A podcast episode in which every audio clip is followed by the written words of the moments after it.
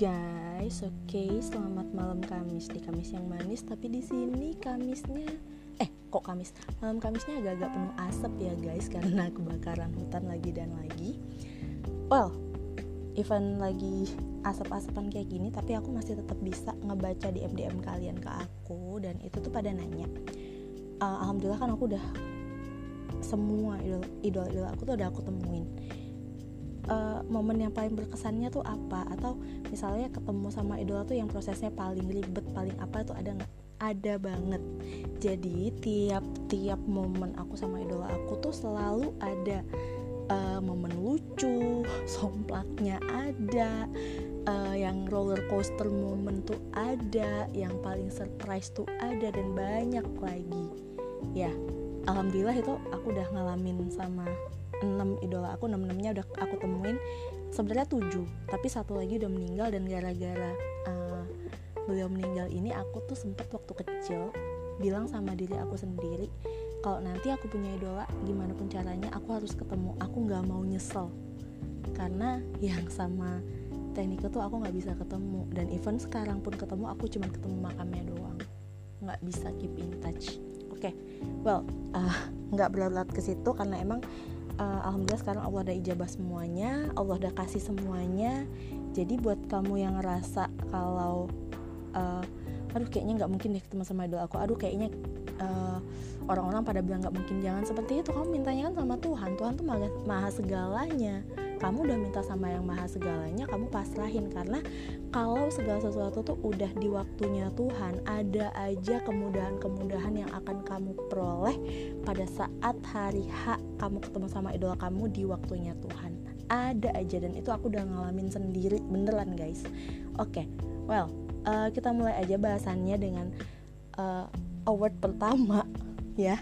Uh, dari dari 6 6 momen aku sama idola aku ini award pertama akan uh, aku kategoriin sendiri sih ya award pertama itu uh, award pertemuan selebriti yang paling roller coaster. Dalam arti dramanya paling banyak.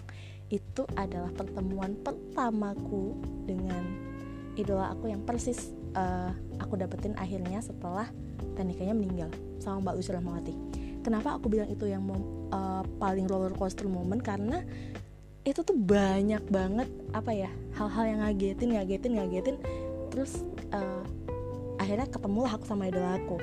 Ya mulai dari aku tuh hamin sampai hamin seminggu itu tuh belum dapat kejelasan tiket. Karena katanya papaku katanya ayahku waktu itu ayahku masih ada dia bilang mau usahain segala macam tapi dengan catatan uh, aku ikut kelas meeting dulu lah apa dulu lah kegiatan yang setelah ulangan umum waktu itu karena aku masih sekolah masih SMP SMP kelas 3 kalau aku nggak salah. Nah di Hamin 5 itu aku nggak dibolehin pergi dong karena ternyata aku belum bagi rapot coy. Oh my god.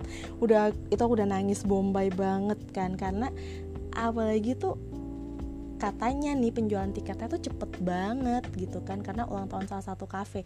Bahkan sampai sekarang tiketnya masih kusimpen nah uh, terus di Hamin 3 itu dapat kabar tiketnya udah habis. Jadi kalaupun ke Pontianak aku cuma nemenin mama sama ayah aku tuh ketemuan sama uh, tamu-tamunya mereka nemenin rapat doang. Kebayang dong aku klik-kliknya kayak gimana di kamar hotel sementara aku tahu aku tuh di kota yang sama sama idol aku. Gimana aku nggak sedih gitu kan? Ya udah akhirnya berangkatlah ya di hari H eh iya bener. Di hari hanya itu aku inget banget 8 Maret 2002 itu tuh hari Jumat. Setelah sholat Jumat tuh aku berangkat sama mama sama ayah aku. Pas makan di rest area pun aku makannya tuh udah nggak kayak biasa udah kepikiran terus kan. Nah singkatnya jam sekitar jam berapa lah hampir jam empatan sore aku sampai di Pontianak. Di rumah nenek aku nggak lama tuh om aku datang om aku datang terus aku kaget kan loh om uh, kenapa? Enggak kita jalan-jalan yuk katanya om aku kan. Hah jalan-jalan? Iya kamu nggak tahu. Apa? aku bilang kayak gitu kan. Loh ini ayah kamu udah nitip 10 tiket loh dek buat nonton konsernya Lucy Lamawati nanti malam. Tapi ini tiketnya om yang simpen dulu. Karena ini om mau bawa kamu om udah usahain kamu bisa ikut bisa lihat Mbak Lucy Lamawatinya cek sound what the aku tuh kaget sekaget kagetnya aku langsung cupitin ayah aku. Aku bilang sebel deh aku dibohongin. Terus ayah aku bilang ya emang sengaja biar kamu tuh nangis nangis dulu segala macam. Ya udah akhirnya singkatnya pergilah aku tuh sama om aku gitu kan. Drama tidak sampai di situ guys karena udah separuh jalan ternyata bensinnya habis. Beruntung deket situ ada kios. Ya udah kita ngisi dan akhirnya jalan lagi.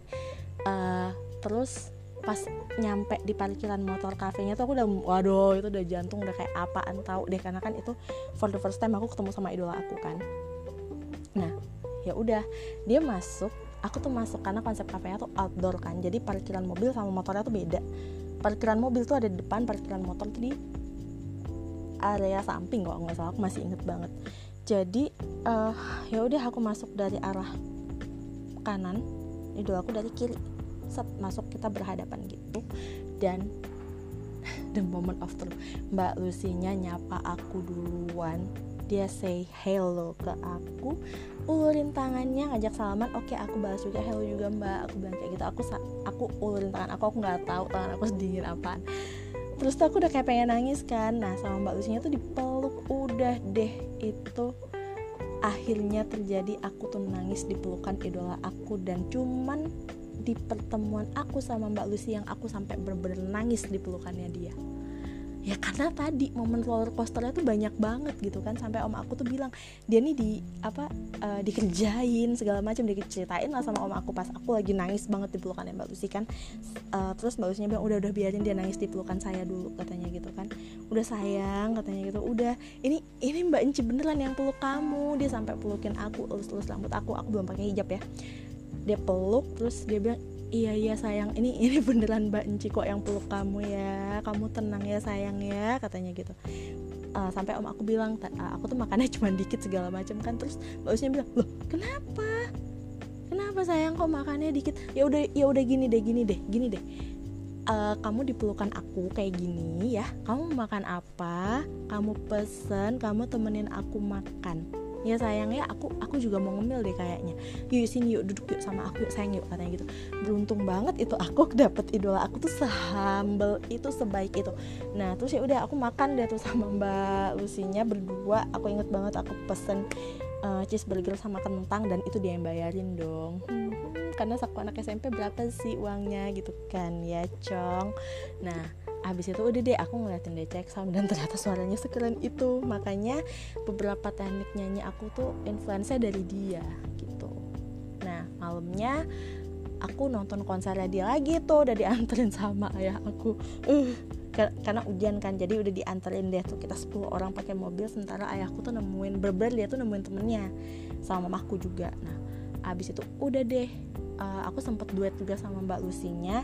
Nggak kerekod karena waktu itu nggak ada handycam guys. Cuma ada kamera pocket doang. Nah momen foto-fotonya itu sama Mbak Lucy pada saat dia cek sound. Ya dibolehin foto waktu itu. Nah abis itu pas malamnya juga sempet foto sih sekali pada saat jelang duet. Nah abis itu udah selesai Mbak Lucinya tuh juga sal uh, salaman sama mama ya aku karena kebetulan udah aku udah dijemput gitu selesai konser kan. Ya udah salaman segala macam sampai akhirnya aku sekeluarga nganterin Mbak Lucy sampai hotel.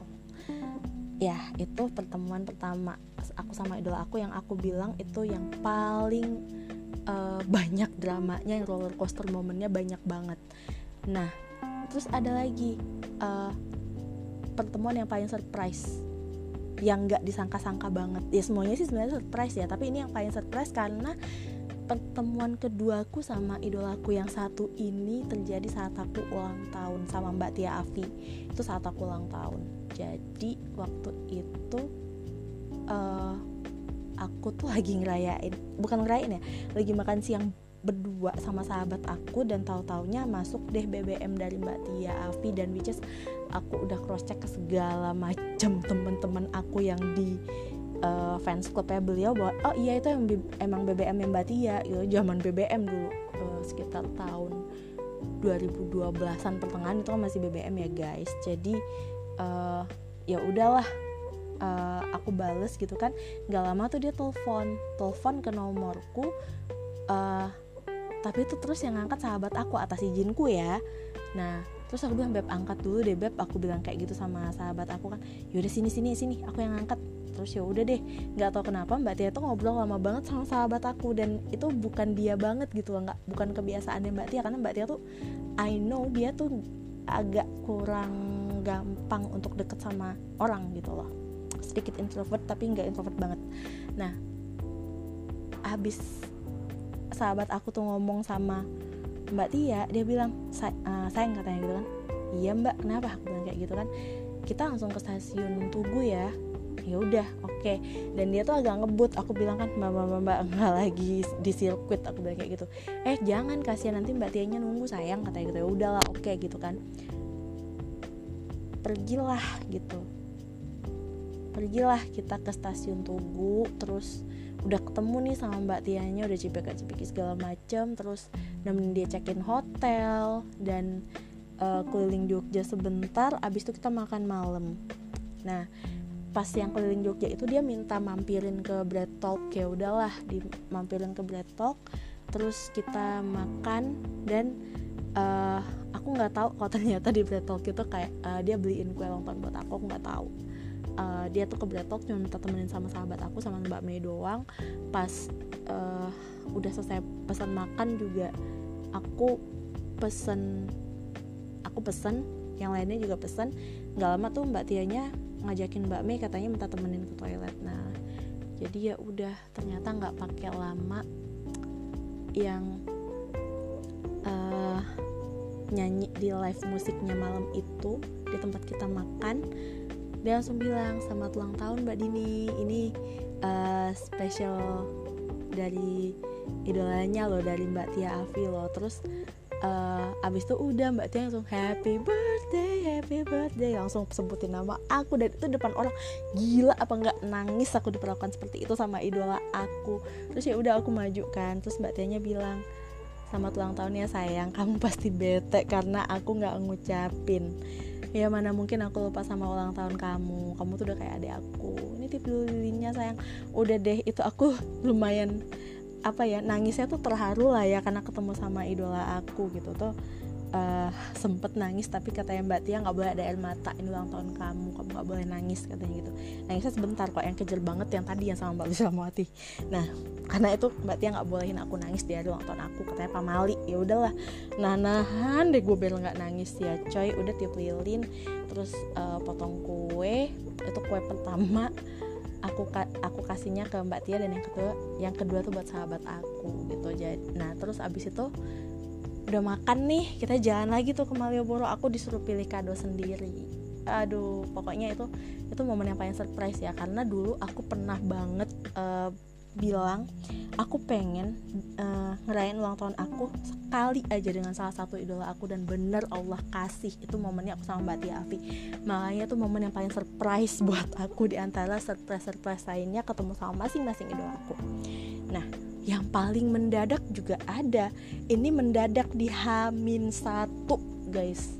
Mendadak banget itu aku inget di tanggal 9 September 2015 kok tadi sama Mbak Tia Afi jelas 5 Juli 2012 karena itu ulang tahun aku 5 Juli. Nah itu aku inget banget tanggal 10 September 2015 ya once more, once more aku bilang. Itu tuh eh, salah satu temenku di Marinka Lovers ya si Alvina bilang kak chef Marinka lagi di Solo nih. Lu kan sekarang udah balik lagi ke Jogja ambil master. Eh iya cuy. Ini stasiun Purwosari ini di Solo aku bilang sama dia. Kak ini kesempatannya. Kejar. Waduh aku bingung seketika otakku kayak beku gitu mikir ini apaan? Gue harus ngejarnya kayak gimana?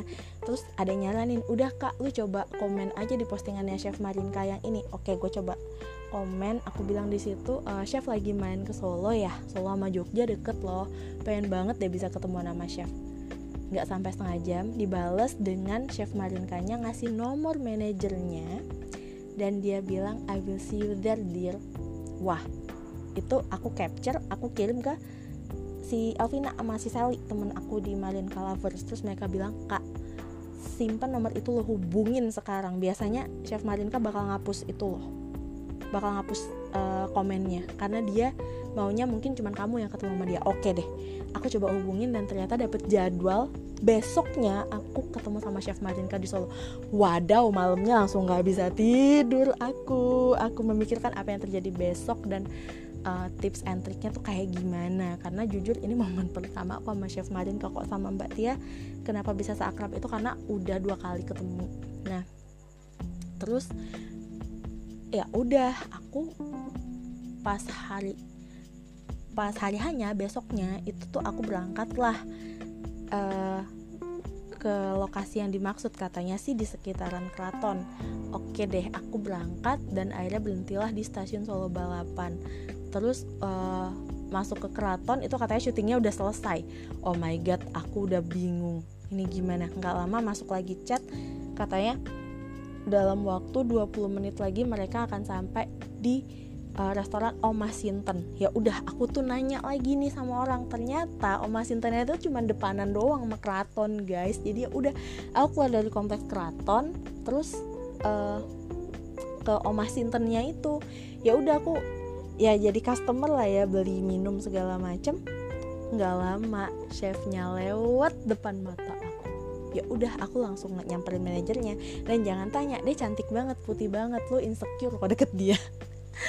Nah ketemu terus ya udah aku nyamperin manajernya dulu sebelum nyamperin dia.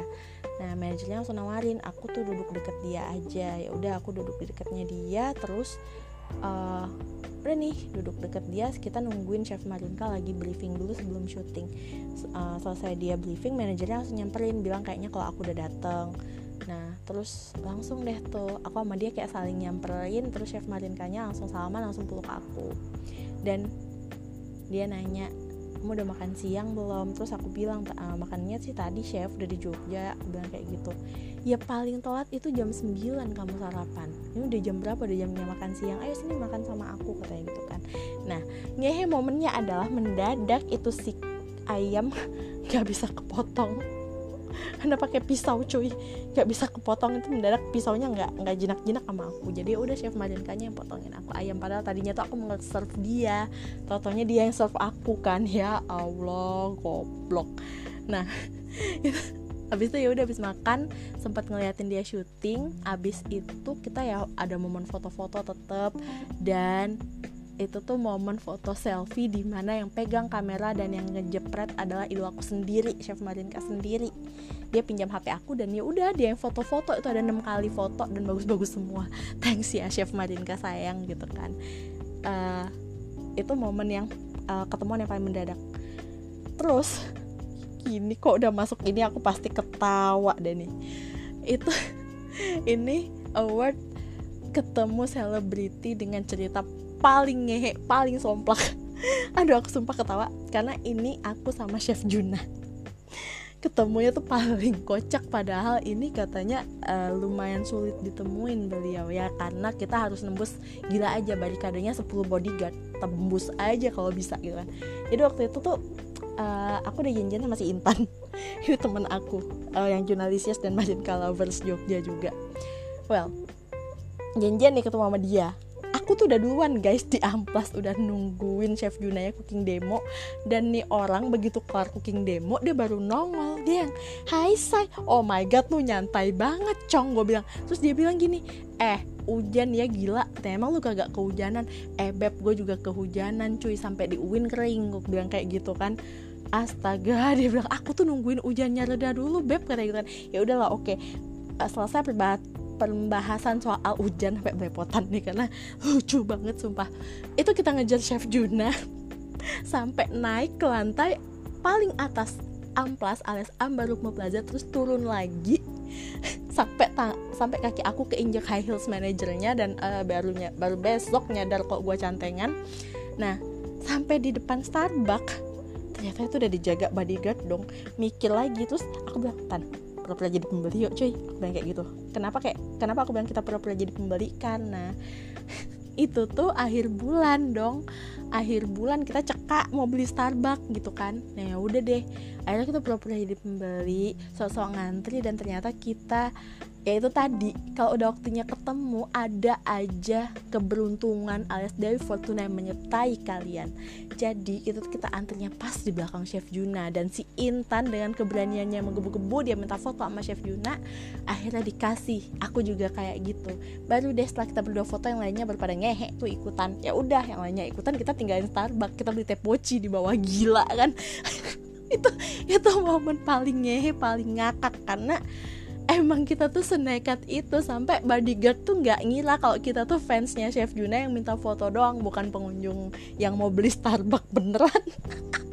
Sumpah itu itu kadang kalau dibahas emang kita bisa ketawa-ketawa ngakak sendiri guys. Karena emang selucu itu sampai nguber-nguber kayak apaan tahu dah. Pokoknya yang mendadak pasti jadi tuh kadang ada benernya ya ini momen aku sama chef Juna plus cerita lucunya tuh itu. Kok sama chef Marinka kan ada sensasi deg-degannya ya karena emang ngidolain banget kok sama chef Juna. Idola juga tetap sama gitu deg-degannya sama. Tiap idola tuh deg-degannya apa ya deg-degannya tuh variatif lah sesuai dengan karakter si idola kita dan apa yang terjadi pada saat itu.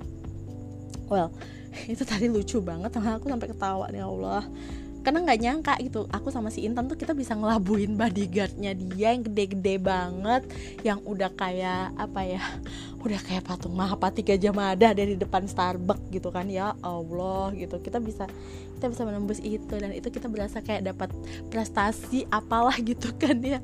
Astaga. Kok diinget-inget pengen ketawa. Itu inget 27 November 2016 itu kejadiannya.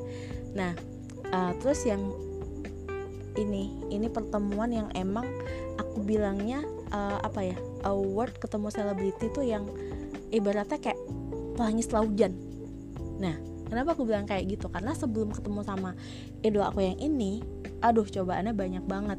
Mulai dari tahun 2020 tuh aku uh, resign kerja gitu kan abis itu nyari-nyari kerjaan udah kayak apaan tahu. Terus tahun 2021 dapat kerjaan tapi satu bulan kemudian malah kecelakaan sampai akhirnya aku resign. Nah uh, pas si pemulihannya tadi itu juga lumayan makan waktu sampai aku sempat ikutan tes CPNS juga. Nah baru pada saat uh, aku selesai ikut SKD CPNS-nya itu ternyata Chef Renata idola aku yang ku maksud itu beliau datang ke Pontianak untuk peresmian uh, grand opening si Daily Box. Itu tempat makan yang ya dia sama chef Juna juga ada andil di situ gitu kan. Ya udah. Uh, itu kan katanya 50 orang beruntung untuk dapat intimate dinner sama chef Juna dan chef Malinka. Oke aku ikutan lah tuh kuisnya dan ternyata lagi-lagi kalau udah waktunya Allah itu dipermudah melalui jalan aku tuh dibantuin sama uh, Nadifa yang uh, pegang akun salah satu yang pegang akun fanbase-nya Chef Renata pada saat itu. Ya dibantuin lobbying lewat Daily Box. Nah terus aku tinggal nanti tuh menghubungi si panitia pusatnya yang kebetulan datang namanya Mbak Helen. Ya udah aku ketemu lah gitu kan sama beliau pada saat itu gitu jadi uh, aku tuh ngasih tahu aku berangkat ke Pontianaknya itu tanggal 31 Oktober Nah, ternyata mereka juga udah ada di Pontianak dari tanggal 30 Oktober karena mau survei lokasi dan segala macam. Kemudian ya udah tanggal 31 Oktober tuh aku berangkat janjian sama Mbak Helen deh di Daily Box. Janjian terus uh, ya udah kita makan-makan, mereka minta KTP aku, bukan minta ya pinjem, dimasukin data nama dan NIK-nya nah udah masuk terus uh, Mbak Helennya sama Mbak sama Mas uh, Fikrinya tuh bilang gitu Mbak ini Mbak uh, jadi salah satu pemenang Intimate Meet and Greet and Dinner sama Chef Juna dan Chef Renata loh. What aku seneng banget di situ pengen loncat tapi malu ya kan guys jaga-jaga gengsi juga ya udah gitu jadi aku seneng banget di situ dan selesai dari mereka minta data aku aku langsung nyusul tante aku ke salah satu mall dan di situ aku nyari kado buat chef Renata karena udah pasti nih 90, 95 sampai 99% ketemu gitu kan. Nah, tinggal tunggu momennya kan. Nah, itu belum keluar tuh uh, tanggal berapa tanggal berapanya. Ya udah. gitu. Udah keluar tanggalnya uh, besok karena besoknya di DM dan di WhatsApp juga keluar tanggalnya uh, lokasinya di mana? Ya lokasinya udah jelas di di daily box ya ya gitu kan. Nah itu tuh akhirnya ketemu pada saat uh, meet and greet-nya. Bener-bener ya bener-bener ketemu. Itu asik chef Renatanya di depan mata aku dan dia cantik banget sumpah dan emang dia tuh ramah event lagi ppkm juga gitu. Dia um, menerima kado dari aku. Bahkan gitu aku bilang nama instagramku dia bilang oh iya iya iya katanya gitu. Ya ampun akhirnya ketemu dia begitu kan. Tapi dari matanya aku tahu dia seneng. Aku juga bahagia banget. Dan pada akhirnya aku bisa uh, foto selfie sama Chef Renata. Mungkin ceritanya aku sama Chef Renata bisa kamu kamu denger di podcast podcastku yang sebelumnya gitu. Itu aku udah ceritain.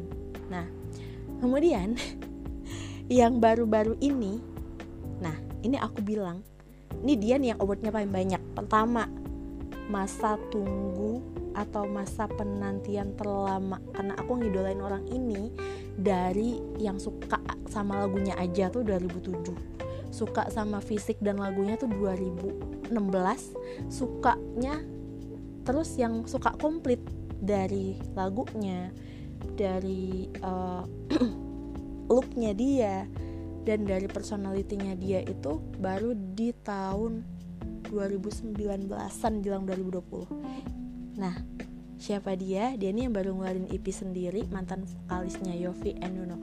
Mas Dikta Wicaksono atau Pradikta Wicaksono. Nah itu dia pegang dua award kalau aku bilang. Yang masa tunggunya paling lama itu pecah rekor sih kok. Kalau aku bilangnya pecah rekor kok Mas Dikta. Karena aku tuh sebelum ketemu sama Mas Dikta masa tunggu terlama adalah 7 tahun penantiannya.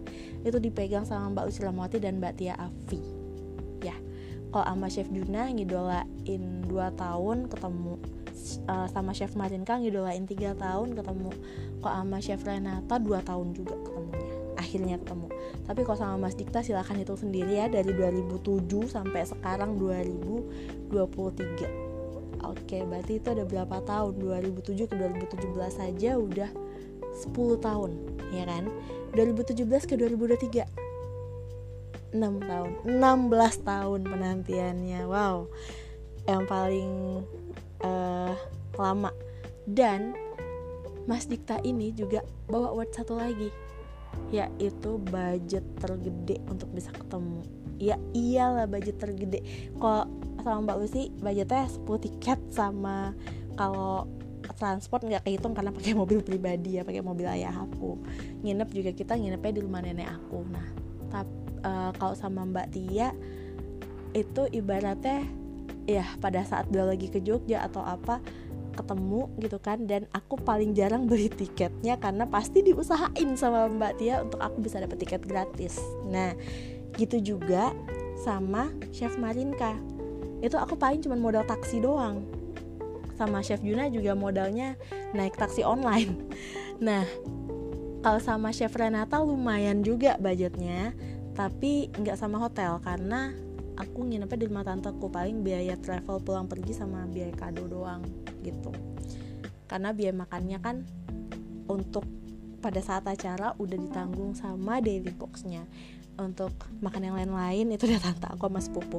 Nah tapi kok sama mas Dikta? Ini nih beda budgetnya lumayan gede karena aku nginep di lokasi di hotel yang halamannya dipakai untuk lokasi konser. Which is begitu ganti lokasi di situ itu harganya tadinya 400an ribu udah naik hampir 600 ribu dan tetap aja aku booking tetap aja aku beli eh tetap aja aku bayar gitu kan. Belum lagi tiketnya hampir 350 ribu. Silahkan kalikan sendiri. Belum lagi aku juga beli kado terus urunan sama yang lain kita bikin spanduk dan segala macam jadi Mas Dikta pemecah rekor dua. Waktu penantian terlama dan budget tergede itu tuh ada di Mas Dikta. Yang pertemuannya tuh baru 26 Agustus 2023 plus juga ini uh, lumayan bikin deg-degan lumayan bikin overthink karena di malam sebelumnya salah satu gestar tuh nggak jadi datang karena satu dan lain hal. Nah aku tuh takutnya Mas Tak juga ngulangin juga ngelakuin itu. Tapi ternyata enggak. Mas Diktanya seprofesional itu gitu dia tetap tampil event even pada saat tampil dia keringetan. Aduh kasihan. Kepanasan dia guys. Nah tapi tuh uh, aku cuma bilang gini sama kalian bahwa uh, masing-masing idola kita itu punya keunikan sendiri. Dan setiap momen yang uh, kita ketemuan tuh pasti ada aja ceritanya tuh beda-beda. Kayak aku cerita ketemuan sama Mbak Lucy itu beda prosesnya sama Mbak Tia beda sama Chef Marinka beda sama Chef Yuna beda Chef Renata beda lagi Mas Dik tak beda lagi. Jadi kalau ditanya paling berkesan yang mana susah. Karena enam enamnya nih uh, punya kesan sendiri gitu loh. Punya kesan sendiri. Masing-masing gitu. Dan itu sangat membuat aku bahagia sih masing-masing dan uh, itu satu bukti bahwa Allah udah ngejawab doaku. Jadi kalian jangan khawatir kalau yang punya mimpi buat ketemu sama idolanya tetap berdoa tetap usaha dan tetap yakin bahwa suatu saat kalian bakal dapet yang kalian mau oke guys. Selamat tidur dan selamat malam